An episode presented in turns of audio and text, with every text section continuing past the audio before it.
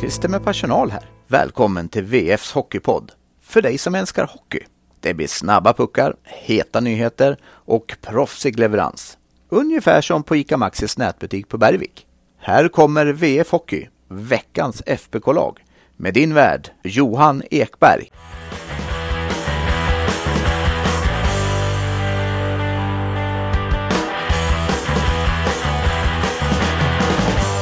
Tre. Det skulle kunna vara jag som räknar ner till inspelningsstart.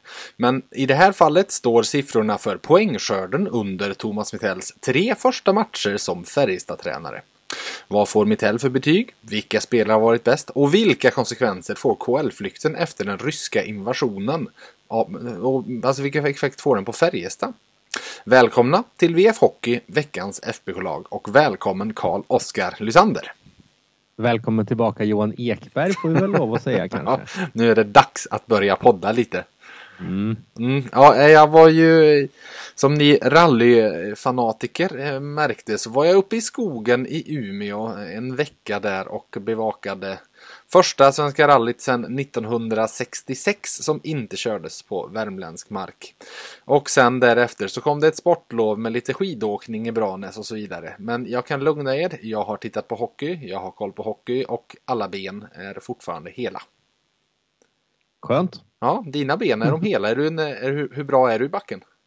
Uh, ja, det måste jag. Det var ganska många år sedan som jag var ute i backen och åkte, men uh, jag var väl okej. Okay. Mm. Uh, men ja, nu vet jag inte riktigt hur, hur jag skulle klara mig, men det kanske sitter i, i muskelminnet. Jag har åkt nu med min sexåring som har lärt sig åka skidor på riktigt och eh, han har haft en ganska brant utvecklingskurva uppåt i form av eh, farten han gillar neråt. Det går så himla ja. fort.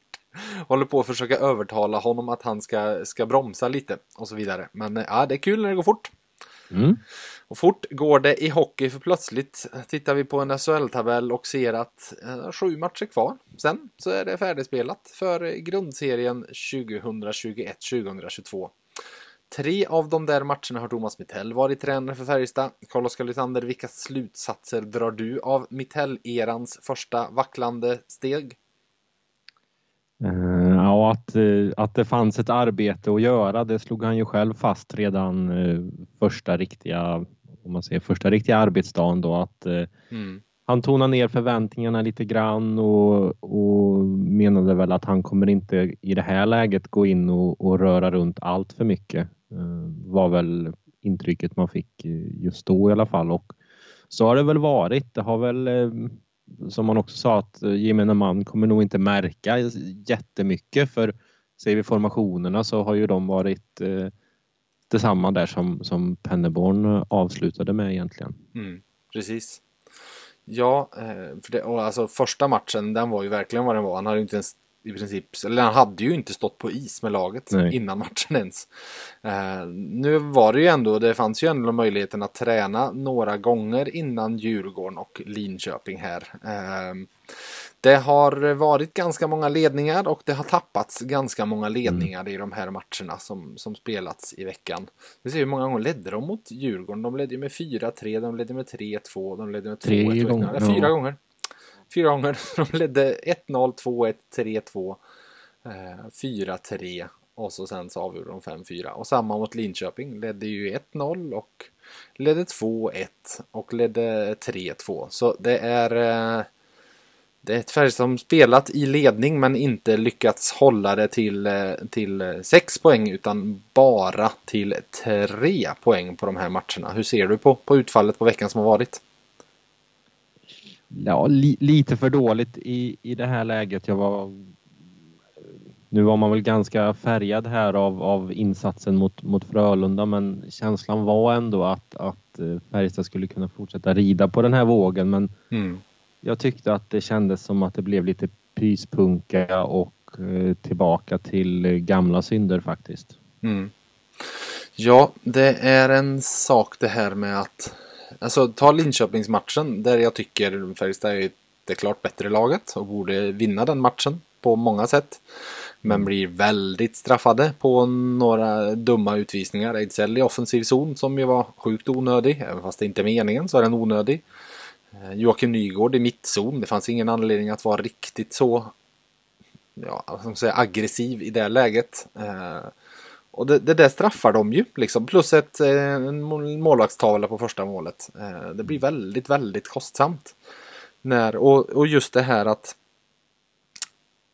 jag tycker det var Färjestads match fram till att man gjorde 3-2 och då på något sätt så Istället för en match att vinna. De... Ja men exakt. Mm. Istället för en match att vinna så blev det en match att, med rädsla att förlora helt plötsligt. Uh, och det blir väldigt kontraproduktivt. Ofta. Ja och uh, det har ju helt klart påverkat Mitell. Nu vet jag inte om det kanske var utvisningen han var mest sur över men han fick ju faktiskt uh, ett matchstraff där mm. efter, efter Linköping-matchen. Det var väl avsaknaden av utvisning på Albert Johansson gissar jag han hade svårt då.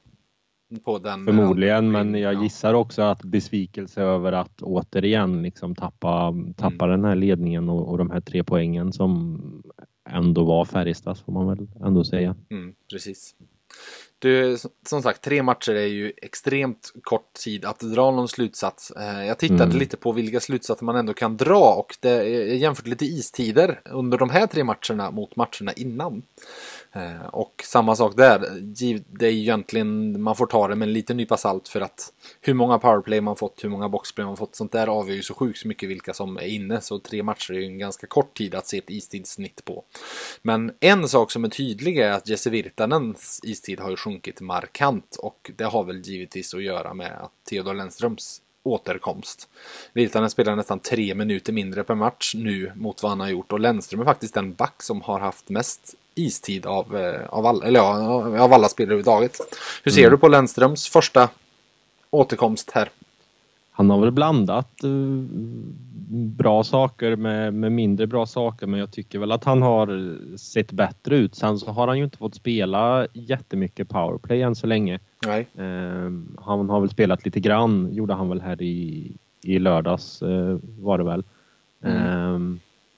men där tycker ju jag då att man ska använda honom ännu mer och det tror jag han hade förväntat sig för när jag pratade med honom så var han ju liksom väldigt engagerad i det här och berättade hur han gillar att komma med idéer i powerplay och, och vill bidra med det. Just det, när du pratar med honom fortfarande under OS där. Ja, precis under OS. Eh, innan, innan han hade kommit hit och innan han hade ju inte... Ja, då, då var det ju inte ens eh, klart då att, att eh, han skulle få en ny tränare. Då hade Nej. han fortfarande Johan Penneborn som tränare men inte heller Penneborn valde ju att spela Lennström i, i första matchen där. Nej, det känns som att de hamnade lite ett moment 22 där jag tror de tänkte använda honom i powerplay men så har du en PP-formation där eh, Esse Virtanen står på blå. Han är på mm. något sätt svår att peta därifrån. Och så har du den andra där de ju faktiskt har gjort ganska mycket mål nu eh, med med Albert Johansson som skytt och Mikael Wikstrand uppe på blå eh, som passningsleverantör. Eh, så mm. jag vet inte, men det känns som att Lennström står och bankar på, på dörren för att få den, få den PP-chansen. Men jag, min totala syn på honom är att det känns som att han har kommit in med en liten vilja att visa upp sig. Så här duktig har jag blivit sen jag var här sist. Och där det har ja. i vissa fall lett till en liten överambition. Mm. Där, Ibland lyckas ta... han ju och då ser det ju jättebra ut. Ja, men, men exakt. Men ta Djurgårdens 3-3 kvittering, Lekkerimäki där. När Lennström försöker att slå en svår, svår, svår passning som bryts sjukt mm. nog på blålinjen upp, en meter upp i luften. Så det var ju osannolikt att den ska bryta så att pucken ska komma ner och så. Där, det är ju vad det är. Det var väl kanske lite oflyt. Men jag menar även om pucken inte hade brutits där så är det ju en enormt svår passning. Eh, för att, att ta emot överhuvudtaget. Så ja, ja den... Eh, det... Han står väl dessutom nere i hörnet så går Exakt. passningen fel så, så eh, har han ju i princip ingen möjlighet att rädda upp det heller. Nej, nej precis. Och det var ett läge där Färjestad hade ledningen. Alltså man måste ändå mm. väga in det. Man behöver inte riktigt chansa. Så mm. ja, nej jag, jag, tror att han, eh, för det som man däremot har visat upp som jag inte tycker att han hade alls på samma sätt när han var här senast är fysiska delen. Mm. Där han stått upp och har ganska många tacklingar och eh, med sin stora kropp kan vinna ganska mycket med det. Så att ta ett djupt andetag, hitta lite mer tillbaka till lite enklare spel tror jag hade varit, varit gott för honom. Men annars med istid så eh, Nygård, han spelar väldigt mycket. Nu har han över 20 minuter per match de här. Och det är ju trots att OS-spelarna är tillbaka nu. Mm. Åslund plus två minuter mot snittet. Ejdsell plus tre minuter mot snittet. Lillis plus en. Och ska vi säga att Lillis faktiskt 14 mest istid har han nu i Färjestad mot att han hade 16 mest har han totalt över hela säsongen. Så det är väldigt många som spelar väldigt mycket mer än honom. Men det är jag, pratade en... ju med, jag pratade faktiskt med honom om just det här för jag tänkte att det här är ju någonting som man ofta gör i, i Nordamerika att man låter de bästa eller de ledande spelarna spela ganska mycket och mm. han sa väl lite grann att det är lite andra förutsättningar med mindre isyta och lite fler powerbreaks så de får mm. vila och, och, gå in igen. Men eh, nog känns det som något som han ändå har tagit med sig att försöka lasta lite mer istid samtidigt som de inte har råd att göra någonting annat än att verkligen gå för det hela tiden med tanke på tabelläget. Nej, men precis, precis. Totalt sett, vad ger du Thomas Metell för något betyg på inledningen sett till vad han har sagt, hur han agerat, poängskörden? 1 till 5? det är väl någonstans två och en halv. Eh, om, om, alltså jag tycker att det är godkänt. Mm. Eh, så om, om två är godkänt så... Och tre är bra så landar han mitt däremellan. Ja, mm. ja jag mm. skulle säga det. Mm. Vad tycker du själv? Ja, men eh, någonstans där. Jag har ju som sagt inte riktigt varit på plats på samma sätt.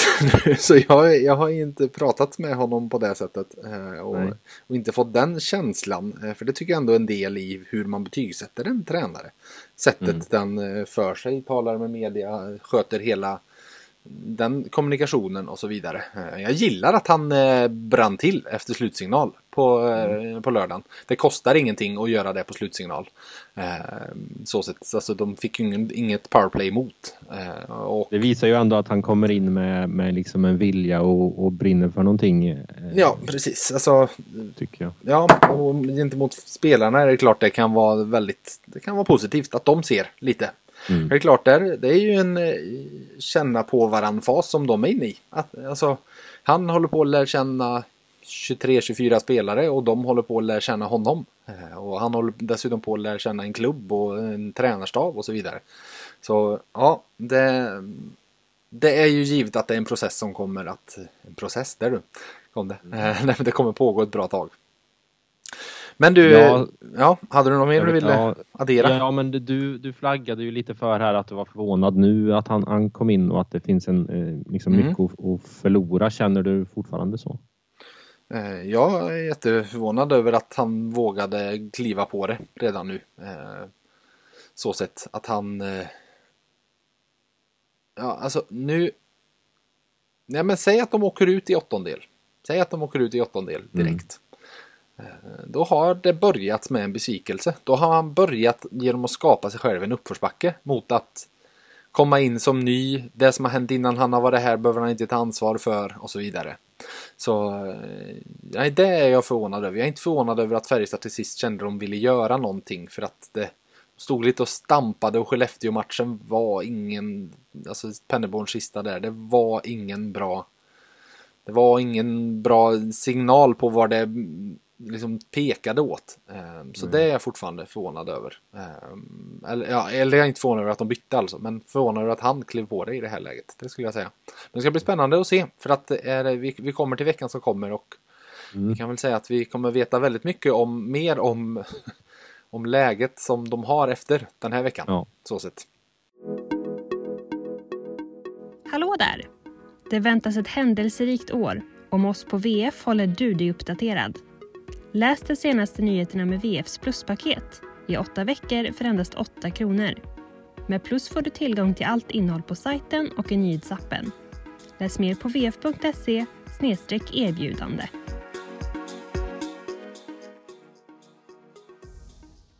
Men du, ska vi gå på veckans lag? Och ta ut vi. sex spelare. Eh, jag börjar mm. längst bak i mål och där har de stått varsin match. Dominik Furch och Dennis Hildeby. Eh, och det är väl två målvaktsinsatser som båda lämnar en hel del att önska. Eh, jag var inne på att Hildeby släppte ju en billig första målet mot Linköping. Ska han givetvis ha. Det är utifrån kanten och backen styr ut och där måste han täcka första stolpen. Även fast det var ett bra skott. Eh, Dominik Furch var väl eh, även han på Hovet mänsklig snarare än omänsklig. Så sett. Eh, dock så, ta sista målet, det är en styrning två meter framför mål. Det är inte mycket att göra som målvakt om den där styrningen blir rätt och så vidare. Så jag säger så här, eh, det blir Dominic Furs som tar platsen för att en seger är fortfarande bättre än en förlust. Så därav så landar det in på att han får platsen. Sen för att vi tar ett kliv tillbaka så, jag vet inte om vi ska kalla det en VF-effekt. Nej, skämtsamt givetvis. Eh, men sen jag gjorde ett stort reportage med Dominic Furch här för några veckor sedan så har han faktiskt inte varit lika bra. De, nu under en tid. Eh, han måste spela upp sig eh, och jag funderar om det, alltså jag förstår att man har spelat den här Silderby en del nu för han gick så bra, han höll nolla mot Frölunda och så vidare. Nu tror jag nog att det är läge att säga till Dominic Furs att det är dig vi går på, du är vår man, eh, nu ska du lira. Eh, Örebro, någonting säger mig det gammal, förra klubben och så. Något säger mig att han kommer vara riktigt bra på tisdag. Eh, och sen är det två veckor här med match tisdag, torsdag, lördag. Eh, och sen fyra dagars vila inför den sista grundseriematchen. Jag skulle säga han ska inte stå sju stycken av dem, Dominic Furs, men eh, fem, sex stycken av dem hade jag ställt honom av det som återstår. Frågan är också, i samband med att du gjorde det där reportaget där så hade han ju spelat väldigt mycket och fram till den Frölunda-matchen så de, de, det dröjde innan, innan de tvingades mer mm. eller mindre ge Hildeby chansen så kanske att han spelade lite för mycket där ett tag. Ja men så kan det vara. Så kan det vara. Och att, det, och att det, det är det som han har fått betala här för lite grann eller som Färjestad har fått betala för lite grann. Men tittar vi tillbaka nu så vi hade Skellefteå där och så är det en vecka. Vi, han har spelat en match på senaste 10-11 dagarna. Så att mm. Nu bör kroppen vara utvilad i alla fall. Eh, får väl se. Det är Luleå på torsdag och det gick lite sådär för honom senast mot ja. Luleå. Så av den anledningen kanske det är värt att slänga in Dennis Hildeby den matchen bara för att Luleå mm. ska få se på någonting. Någonting som de inte ser som en schweizerost. Eh, innan matchen ens har börjat. Så mm. ja, nej, vi får se. Eh, förste back i laget, vem har vi där? Eh, Jesse Virtanen. Mm, det var ingen överraskning. Nej, det var ingen överraskning. Två mål mot Djurgården. Han fixade ju extra poängen där. Um, skjuter tredje flest skott i laget. Blockerar flest skott i Färjestad tillsammans med, med Wikstrand. Det kanske man inte såg Nej. innan säsongen, men det kanske också hör ihop med både istid och uh, det faktum att Färjestad spenderat mycket tid i egen zon. Mm. Uh, också. Men uh, viktigt att han får fortsätta göra poäng. Det gick ju lite trögt med, med poängen där ett tag och en, en bra Virtanen behövs ju såklart.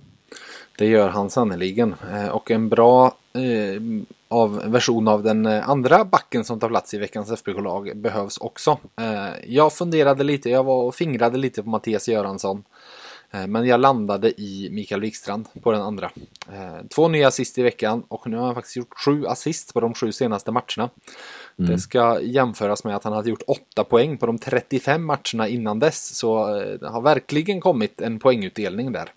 Jag var inne lite på hans position i PP och han är ju ingen skytt, Mikael Wikstrand från blå. Eh, skjuter han så är det handledsskott. Slagskott vet tusan om jag nästan aldrig har sett honom skjuta.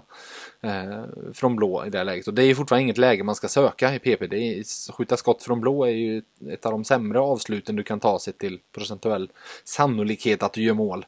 Men han är en puckfördelare och har du en skytt på varsin sida om honom och står som ett paraply då kan det vara ett väldigt enkelt och effektivt sätt att spela PP. Alltså upp till honom och till någon sida. Upp till honom och så har du två stycken framför mål som kan skymma och ta returer. Ehm, så det kan vara ett smidigt sätt att eh, förenkla ett PP. Eh, dessutom så ska han få, det här han gjorde mot Linköping, kommer du ihåg 2-1 målet som Per Åslund gör? Ja. Då är det, Lillis håller ju pucken på kanten och så ja, smyger Wikstrand ner på bortre stolpen. Mm. Eh, och lyckas inte få in den själv men lyckas få den i alla fall förbi målvakt så Åslund kan peta in den. Eh, det där borde han, där använder han sina styrkor. Alltså för spelsinnet är ju en av hans absoluta styrkor. Fyllde på eh, och skapade läget genom att eh, göra det och komma djupt ner i zon. Han borde göra det lite oftare för jag tycker att han har huvudet för att, för att kunna skapa på det sättet. Men du, på backsidan har ju Färjestad varit en back kort här eh, ett tag. Eh, ja. ja den, de här två matcherna vi pratar om. Eh, Joel Nyström var inte uttagningsbar för oss, för han var inte uttagningsbar för Thomas Mittell efter sjukdom. Men idag på måndagsträningen var han på plats på is och vår kollega Jonas Griberg var på plats i Löfbergs Arena och tjötade lite med Joel Nyström efteråt. Ni får lyssna här.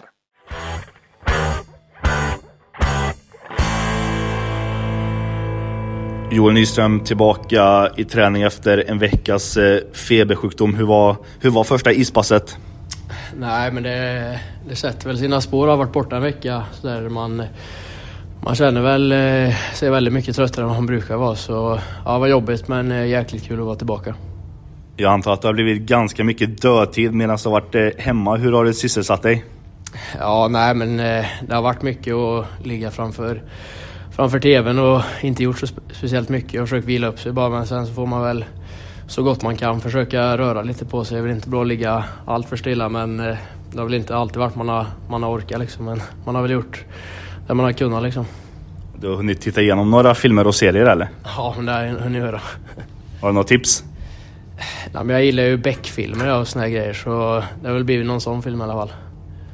Nu då, nu väntar eh, en matchvecka där ni har eh, Örebro närmast här på eh, tisdag. Sen är det Luleå borta torsdag, Leksand borta lördag. Det är, det är tre lag som ligger i närheten av er i tabellen. Hur, hur ser du på, på det som komma skall den här veckan? Nej, men det är en jätte, jätteviktig vecka här med, med, som du säger, tre viktiga matcher med, med lag som ligger i närheten av oss. Eh, så, och vi är i behov av alla poäng nu som det ser ut i tabellen och, och i det läget vi är i också. Så en jätte, jätteviktig vecka men en väldigt rolig vecka framför oss också. Första träningen idag på en vecka. Hur eh, aktuell är du för spel mot eh, Örebro här på tisdagen? Nej, det, det, får vi se. Jag känner mig, jag känner mig ändå pigg från att vara borta. Men sen eh, laget kommer ut imorgon så får vi se. Annars då, nu kommer ju även eh, konkurrensen tillbaka i eh, powerplay. Här har Lennström in, vilket gör att ni är ungefär fyra backar som eh, slåss om två, tre powerplayplatser. Hur ser du på den konkurrensen? Nej, men liksom man ska förtjäna, och förtjäna sin speltid liksom. Och med konkurrens så bildas det liksom mer tävling och sådär så jag tycker det är perfekt där och, och, och sådär för egen del kanske inte har klickat riktigt i, i 5 mot 5 spel den senaste tiden så jag, jag börjar fokusera på det.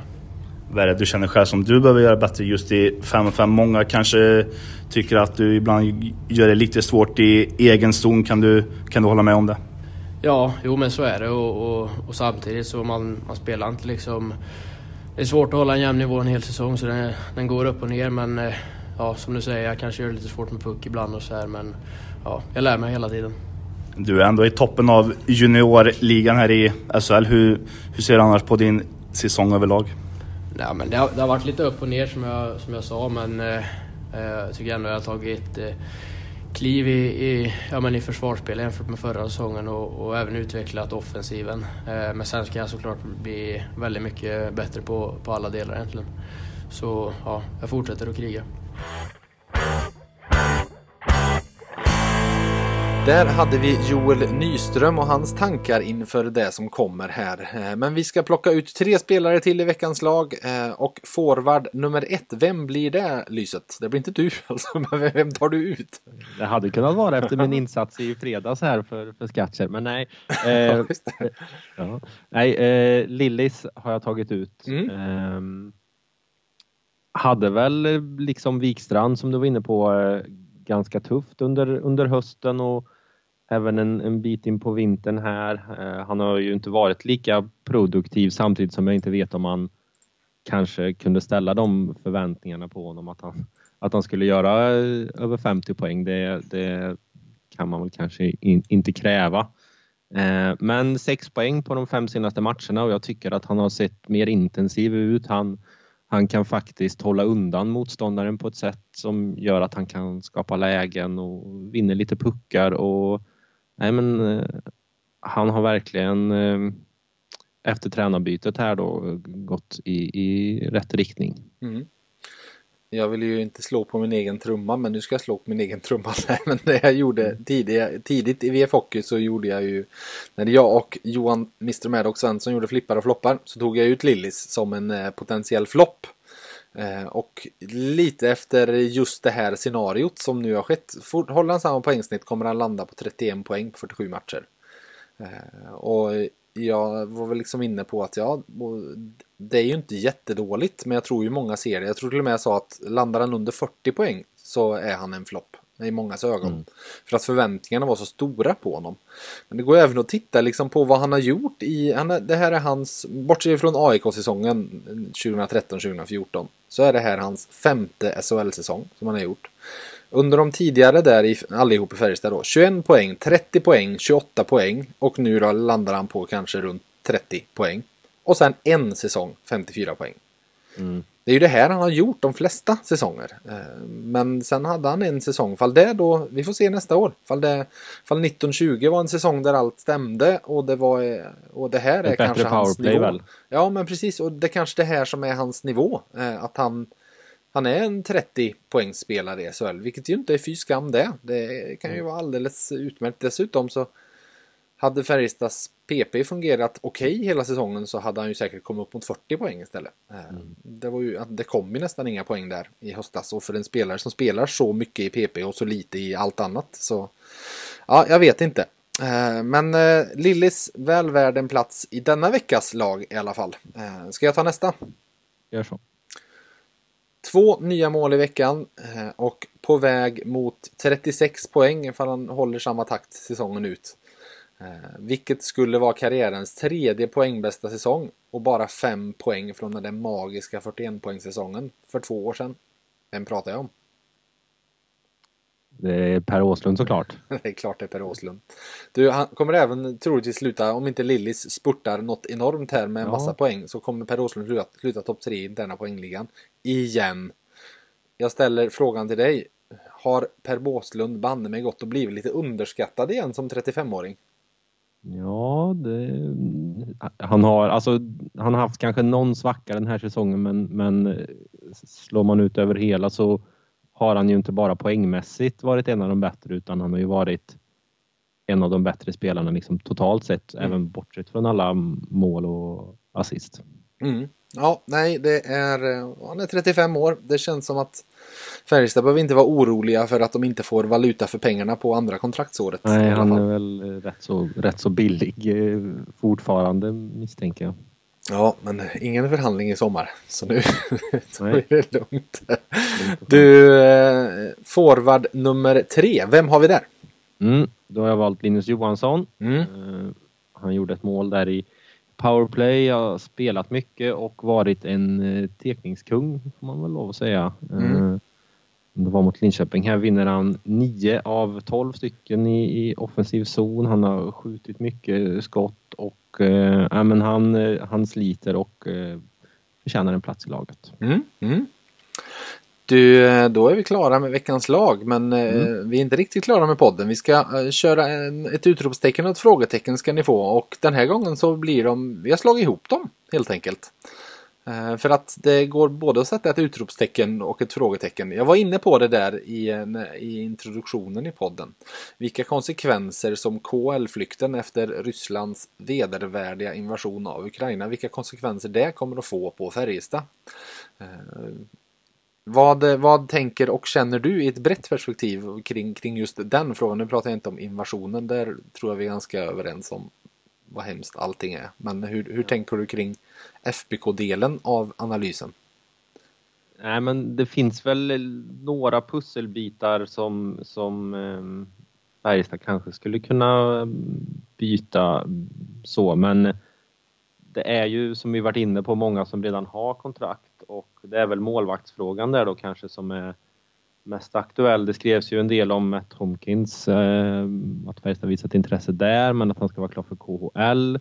Mm. Nu undrar man vad som händer där. Det är ju massor av KHL-spelare som redan har åkt hem. Ja men precis, Tomkins har ju faktiskt redan varit ute. Han pratade med Henrik Lehmann okay. på Raka Puckar där och pratade om att han sa det väl inte rakt ut för han har ju inte velat säga att han är klar överhuvudtaget. Nej.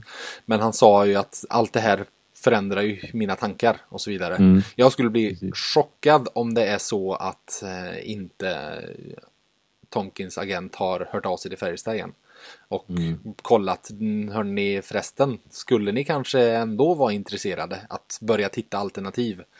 Eh, det måste ju agenten göra i det här läget. Eh, när så många sticker. Eh, För det känns som det kanske finns bättre alternativ än först till och med om, om det är så att många målvakter eh, inte väljer att åka till KHL. Ja, alltså det finns ju en Magnus Hellberg, det finns en Adam mm. Reideborn och så vidare. Eh, OS-målvakter mm. båda två. Så att, nej, alltså det är ju ingen dum sommar att sitta med en massa tomma luckor högt upp i laget att fylla. Mm. Och om vi tittar på Färjestad, det känns, vi avslöjar här i fredags om Schweiz intresse för Jakob Delaros. Vi får se vad det landar i, men Friburg och de Friburg har gått ut och berättat och Christian Dubé har gått, upp och, eller gått ut och vad heter det, bekräftat, heter ordet jag söker, att, att de är intresserade. Men är, de är inte ensamma om det i Schweiz utan det finns flera mm. klubbar och han har ju Schweiz-klausul för i år. Eh, så det är klart att det kan ge en öppning. Vi har en Gustav Rydahl där det finns NHL-ryktena kring. Det kan också vara en öppning för att Färjestad plötsligt har två toppcentrar som ska in. Mm. Eh, han jag pratade om förut, Mr Maddock, gjorde en rejäl sammanställning på Sportexpressen där han gick igenom alla, tror jag, 39 svenskar som varit eller är i KL eh, den här säsongen.